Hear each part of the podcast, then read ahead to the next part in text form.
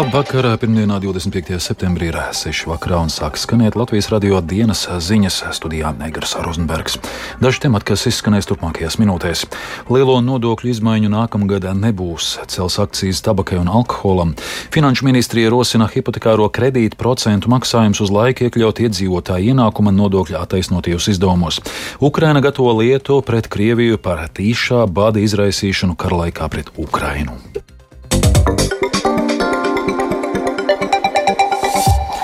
Nākamajā gadā būtiskas nodokļu izmaiņas nav plānotas, jo to nepieļauj pašreizējā situācija ekonomikā. Tā pavēstīs finanšu ministrs Arvils Ašradens no jaunās vienotības.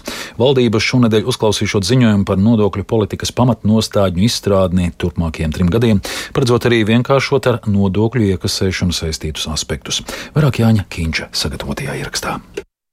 Nākamajā gadā Latvijā paredzēts ieviest obligāto uzņēmumu ienākumu nodokļu avansa maksājumu bankām un nebanku kreditētājiem 20% apjomā no iepriekšējā gada peļņas. Tas darīts atbilstoši pārējo Baltijas valstu piemēram. Tāpat Finanšu ministrija piedāvā celt akcijas nodokļa likmi, piemēram, tabakai un alkoholam, kā arī palielināt azartspēļu nodokli. Savukārt par pievienotās vērtības nodokļu un darba spēka nodokļu izmaiņām šobrīd nav runas. Tā Latvijas radio norādīja finanšu ministrs Arvils Ašarādens no jaunās vienotības mainīt nodokļus vai nodokļu slogu brīdī, kad iedzīvotājiem ir ļoti sarežģītā situācijā, kad Eiropas centrālā banka ceļ procentus, naudas cena palielinās un ekonomiskā aktivitāte mazinās un, un situācijā, kur arī vēl ir nu, inflācijas ietekme arī jūtama praktiski visās sfērās. Nu, šī brīdī kustināt nodokļus nebūtu pareizi.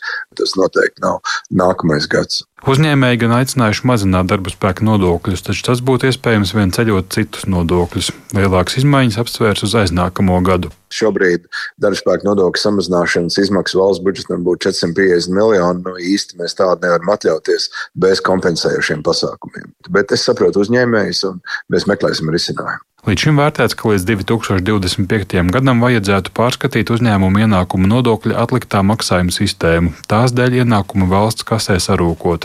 Tāpat plānots pārskatīt dabas resursu nodokļu likmes un to patieso ietekmi uz CO2 emisiju mazināšanu.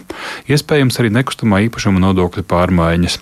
Vienlaikus Ašrādens runā arī par nodokļu administrēšanas vienkāršošanu. Kā piemēram, viņš min, ka iedzīvotāja ienākuma nodokļa atvieglojums pašlaik aprēķina gan grāmatveži, gan arī valsts ieņēmuma dienests caur ko atmaksā dažādus atvieglojumus. Jāvirzās uz vienas sistēmas izvēlēšanu. Šīs un citas pārmaiņas vērtēs valsts nodokļu politikas pamatnostādņu izstrādes darba grupa. Tajā pieaicināt arī jaunās koalīcijas pārstāvji. Nodokļu politikas pamatnostādnes turpmākajiem trīs gadiem paredzēts sagatavot līdz šā gada beigām. Jānis Kincis, Latvijas Radio. Lai īstenotu mērķētu atbalstu tām Latvijas maisaimniecībām, kurām ir būtiski pieauguši hipotekārā kredīta maksājumi, viens no risinājumiem ir kredīta procentu maksājumu iekļaušana iedzīvotāju ienākuma nodokļa attaisnotajos izdevumos uz terminētu laiku šo un nākamo gadu. Nodokļos par kredīta maksājumiem varētu atgūt līdz 2000 eiro gadā, tā teikts Finanšu ministrijas izstrādātajā vēstules projektā. Tāpat ministrija rosina veidot attīstības finanšu institūcijas altumu mērķētu atbalsta programmu un konkrētāku sociālo palīdzību. Būvniecībā panākt vienošanās, ka nākamgad šajā nozarē strādājošiem minimālā mēneša alga varētu būt pieaugt līdz 900 eiro, un tādējādi varētu risināt problēmas tā sauktajā vidējā segmentā, kur ir ievērojams skaits specializētu uzņēmumu. To Latvijas radio atzina Latvijas būvnieku asociācijas vadītājs Normons Grīnbergs. Daudz būvniecībā specializētu uzņēmumu, ir specializēti darbi, un arī šie uzņēmumi ir daudz. Viņi nav lieli, cilvēku skaits tur nav liels, un viņi pēc būtības ir tādā izdzīvošanas zonā. Arī pasūtītāja attieksme, arī ģenerāla uzņēmēja attieksme, laicīgi naudas plūsma tiek uh, nosakta, tiek samaksāts laicīgi, nelaicīgi, dažādi šie apstākļi, un viņiem ir jālavierē šeit. Un tad, kad ir grūtāk, tad viņi kā ēn, ēnās aiziet un, un, un, un cenšas izdzīvot. Un kad ir vieglāk, tad viņi atkal kāp atpakaļ. Grīnbergs esot pārliecināts, ka minimālās algas celšana nekad neietekmēs privāto sektoru, kur ir aploksņa algas un maksājumi notiek skaidrā naudā. Vācija ir gatava uzņemties vadošo militāro lomu Baltijas reģionā. Tā šodien pēc tikšanās ar Latvijas aizsardzības ministru Andris Prūdu no progresīviem pavēstījis Vācijas aizsardzības resoru vadītājs Boris Pistorius. Viņš arī pauda atzinību par būtiskiem soļiem, ko Latvija un Igaunija spērušas, lai pastiprinātu abu valstu gaisa telpas aizsardzību. I'm very happy that Latvia and Estonia signed Esmu ļoti, ļoti priecīgs, ka pirms pāris nedēļām Nurnbergā Latvija un Igaunija parakstīja līgumus par vidējās darbības pretgaisa aizsardzības sistēmu IRIS-T iegādi. Karš Ukrainā katru dienu un katru nakti parāda pretgaisa aizsardzības nozīmi. Ar tādiem iepirkumiem mēs kārtējo reizi stiprinām European Sky Shield iniciatīvu. Tagad tajā piedalās 19 valstis. Šis ir lielākais militārais iepirkums kopš Latvijas neatkarības atgūšanas. Ar šo darījumu Vācija ir kļuvusi par Latvijas lielāko ieroču tirzniecības partneri, un tas pats par sevi ir interesanti. Too. Krievija aizvadītajā naktī kārtīgi reizi devusi triecienu Ukrainas teritorijai ar droniem un raķetēm. Uzbrukumā bojāta Odesas ostas infrastruktūra. Sprādzieni naktī dzirdēti arī anektētajā Krimā, kas pēdējā laikā kļūst par biežu uzbrukuma mērķi. Tikmēr laikraksts Zagādien vēsta, ka cilvēktiesību juristi sadarbībā ar Ukrainas prokuroriem gatavo kara noziegumu lietu, ko iesniegt starptautiskajai krimināltiesai, apsūdzot Krieviju tīšā bāda izraisīšanā kara laikā pret Ukrainu. Vairāk stāsta Rihards Plūmē. Kā vēsta laikraksts The Guardian, Ukrainas prokurori šobrīd sadarbojas ar juristu biroju Global Rights Compliance ar mērķi dokumentēt gadījumus, kuros Krievijas iebrucēji badu izmantojuši kā kara ieroci. Proti tiek vākti pierādījumi, lai starptautiskajai krimināltiesē nodotu lietu, uz kuras pamata varētu izvirzīt apsūdzības Krievijas prezidentam Vladimiram Putinam. Juristu biroja vecākais jurists Jusufs Kāns atzīmējis, ka pārtikas kā ieroča izmantošana notikusi trīs posmos, sākot ar sākotnēju sākotnējo iebrukumu, kad Ukrainas pilsētas tika aplenktas un pārtikas piegādes tika pārtrauktas. Otrā fāze ietvērusi pārtikas un ūdens krājumu un enerģijas avotu iznīcināšanu visā Ukrainā kauju laikā. Tie uzskatāmi par objektiem, kas ir būtiski civiliedzīvotāju izdzīvošanai. Savukārt trešā fāze ir Krievijas mēģinājumi novērst vai ierobežot Ukrainas pārtikas preču eksportu.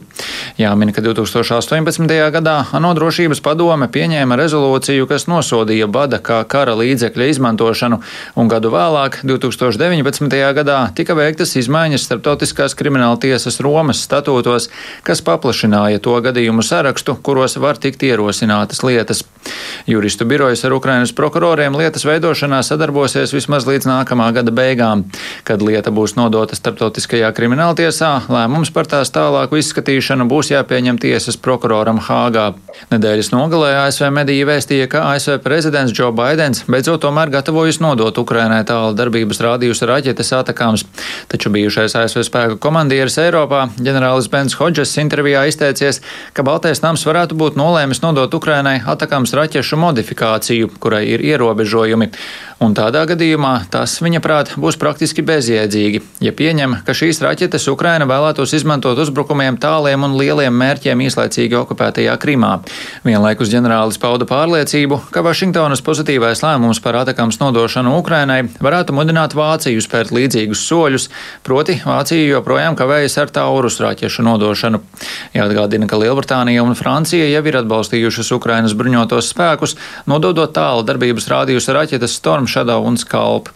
Rihards Plome, Latvijas radio. Eiropas komisija nolēmusi aizliegt plaši pazīstamās viesnīcu rezervēšanas kompānijas Booking apvienošanos ar līdzīgu pakalpojumu sniedzēju Zviedrijā. Konkurences uzraugi Briselē uzskata, ka šāda apvienošanās būtiski mazinātu patērētāju izvēli un līdz ar to veicinātu viesnīcu cenu pieaugumu. Tuvākie Booking konkurenti ir pārāk nelieli un pārsvarā fokusējas uz ASV tirgu. Turpina mūsu Briseles korespondents Arķoms Konhaus. Labi pazīstamā kompānija Booking vēlējās paplašināt biznesu un iegādāties vienu no saviem konkurentiem - Zviedrijas interneta ceļojuma aģentūra eTraveli Group. Te pieder tādi pazīstamie zīmoli kā GoToGate un MyTrip. Tomēr Eiropas komisijas konkurences uzraugi secināja, ka tas pārāk nostiprinātu Booking dominanci tirgu un līdz ar to varētu novest pie augstākām cenām. Šobrīd Booking aizņem 60% no tiešsaistes viesnīcu rezervēšanas biznesa Eiropā. Bāriņtiesu darbinieku asociācija šogad saņēmusi piecus iesniegumus par darbinieku ētikas pārkāpumiem. Savukārt pie tiesības sarga biroja vecāki visbiežāk vēršas par bāriņtiesu darbinieku objektivitātes trūkumu. Tiesība eksperti un bāriņtiesu pārstāvi šodien pulcējās Saimas cilvēktiesību komisijas diskusijā, lai meklētu vienotu risinājumu bāriņtiesu darbinieku ētikas pārkāpumu izskatīšanai pašvaldībās. Tiesības sarga birojā norāda, ka pat labam Latvijas pašvaldībās bāriņtiesas darbinieku ētikas pārkāpumus risina pēc desmit dažādiem modeļiem bet tiesības sargi ieskatā tas jādara pēc viena vienota modeļa valstī. Turpina bērnu tiesību nodaļas vadītāja Laila Grāverē.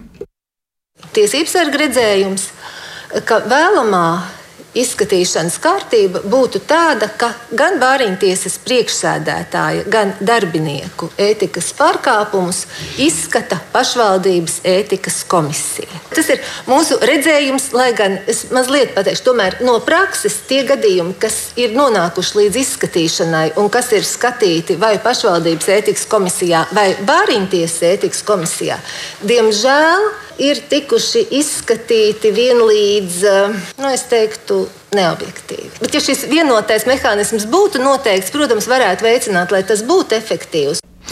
Vidzemē šajā nedēļā plašākai sabiedrībai būs iespēja iepazīt deinstitucionalizācijas procesā radītos sociālos pakalpojumus cilvēkiem ar īpašām vajadzībām, dienas aprūpes centrus, grupu dzīvokļus, specializētās darbnīcas. Par vidzemes iekļaujošās nedēļas pasākumiem vairāk pastāstīs Gunta Matisone. Iekļaujošās nedēļas laikā vidzemē būs vairāk kā 13 dažādi pasākumi, kuros būs iespēja ikvienam interesantam iepazīt, kā īstenojot jaunos pakalpojumus, tagad norit dzīve gan pieaugušiem ar garīgu raksturu traucējumiem, gan bērniem ar funkcionāliem traucējumiem. Tā būs iespēja redzēt, kāda ir ikdiena pēc pansionāta sākt savu patstāvīgo dzīvi grupu dzīvokļos. Būs iespēja piedalīties arī dažādās radošajās darbnīcās, lai tādējādi vairāk izprastu šo pakalpojumu nepieciešamību. Šodien apmeklētājiem durvis svērs grupu māja kārkli, Smiltens novadā un dienas aprūpas centrs Eglāja Madonas novadā. No šodienas dažādās vietās Latvijā, tostarp Rīgā un Kurzemes reģionā, kā arī vairākās ostās sākušās valsts aizsardzības mācības namēs 2023. Par jūras spēku mācību aktīvo fāzi stāsta zemesardzes komandieris Pulkvedis Kaspars Pudāns. Būs gan karavīru zemesargu, viņu tehnikas, kas ietver gan apvidus automašīnas, gan bruņu mašīnas pārvietošanās vairākās publiskās vietās, gan arī atsevišķi vingrinājumu izspēle, kas būs gan pašā Rīgā, vairāk redzam varbūt ķekavas, mārupes un ropažu novados. Nav uzsvars šobrīd tik daudz uz lieliem uh, satiksmes uh, mezgliem šos vingrinājumus taisīt. Īslaicīgi varbūt traucējumi vai kavējumi satiksmē var notikt, bet katrā vietā tas tiks, protams, koordinēts. Un vēl par sportu. Latvijas basketbola sezona sāksies šajā nedēļas nogalē, kad pirmos mačus Latvijas-Igaunijas līgā aizvadīs pašmāju komandas. Turnīram pieteiktas septiņas komandas no Latvijas, astoņas no Igaunijas un otro gadu arī Ukrainas komandas Lobožānskas Prometei. Līdz ar jaunpienācējs Rīgas zeļu iesaistīšanos turnīrā pamainījies arī izspēles formāts. Ceturdaļfināla un pusfināla notiks sērijās līdz divām uzvarām, bet čempions noskaidros vienā spēlē. Vairāk par turnīru stāsta Latvijas basketbola līgu direktors Salvis Mētra. Mans personīgais prieks ir ļoti primāri par to, ka uh, saistībā ar jauno klubu Rīgas zeļiem Latvijā atgriežušies vairāki teiksim, tā, kaut kur aizbraukuši spēlētāji, zāģinājumi spēlējušie. Ja? Piemēram, redzu Kristānu Čilpu, Jā, Jānu Kaupmanu, tāpat tās Fārenkoštu. Tāpat tās arī noteikti šeit nav, bet ir tā ir Bērtāns, jā, uz ko mēs visi līdzi ceram, ka šī seja arī nesīs teiksim, tā, Latvijas-Igaunijas līgas vārdu teiksim, tā, vairāk, vairāk atpazīstamāku Eiropā. Izskan Latvijas radio dienas ziņas producents Edgars Kupčs, ierakstus montēja Kaspars Groskops par labskaņu rūpējās Iveta Zvēniece studijā Negars Rozenbergs vēlreiz īsumā par svarīgāko.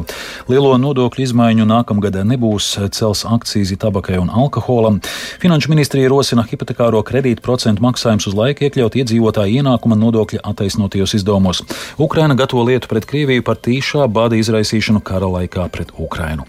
Un vēl par laikapstākļiem. Yeah. Galvaspilsētas centrā 16 grādi lēns dienvidē rietumu vējš, atmosfēras spiediens 777 mm, relatīvais gaisa mitrums 59%. Kāds laiks gaidāms turpmāk, prognozē Toms Brīsis. Šajā darba nedēļā laiks atkal būs silts. Dzestars vēl vienīgi būs otrdienas rīts, kad temperatūra no 4 līdz 9 grādiem, vietām piekrastē līdz 10, 12 grādiem, bet pēcpusdienā jau 16, 21 grādu augsta temperatūra. Siltākais laiks šonadēļ būs trešdien un ceturtdien, kad lielākajā valsts daļā temperatūra sasniegs 20, 25 grādus, bet nedēļas nogalē kļūs vēsāks, brīvdienās vietām nedaudz līs, būs mazāk saules, kļūs vējaināks, temperatūra pēcpusdienās 14, 9. 19 grādu robežās. Naktis arī būs vēsākas, bet salnas nav gaidāmas.